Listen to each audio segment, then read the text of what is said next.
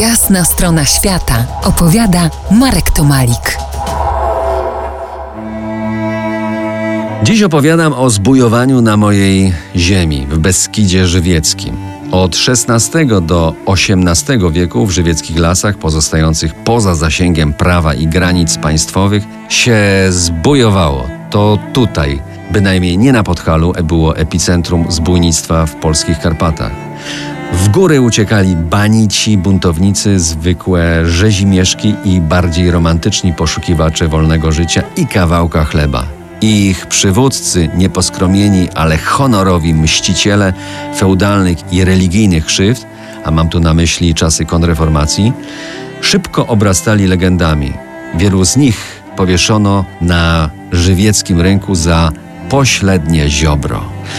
Na terenie Żywiecczyzny działało ponad 250 band. Niektóre z nich miały swoje chorągwie i liczyły ponad 100 zbójeckich wojowników. Kiedy w czasie potopu wojska szwedzkie zajęły Żywiec i zapędziły się dalej na cholerne wzgórze pod Przybędzą, obecna nazwa jest Chorolne, nadziały się tam na cholernych górali, którzy Szwedów przepędzili.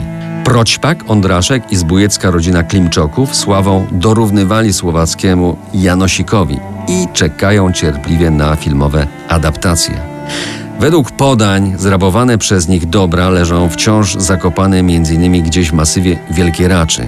Raz w roku w Boże Ciało otwierają się pełne skarbów zbójnickie piwnice na Muńcule. Na ten szczyt można wdrapać się szlakiem z wioski Ujsoły. A jak to idzie w nutach?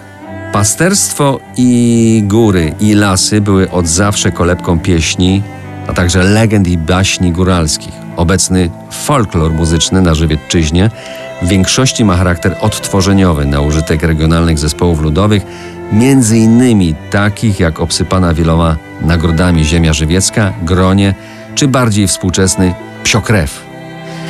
Dobrze, to czas w drogę, w górę miły bracie. W trzeciej części żywieckich peregrynacji opowiem, gdzie znaleźć widoki i smaki. To jest jasna strona świata w RMS Classic.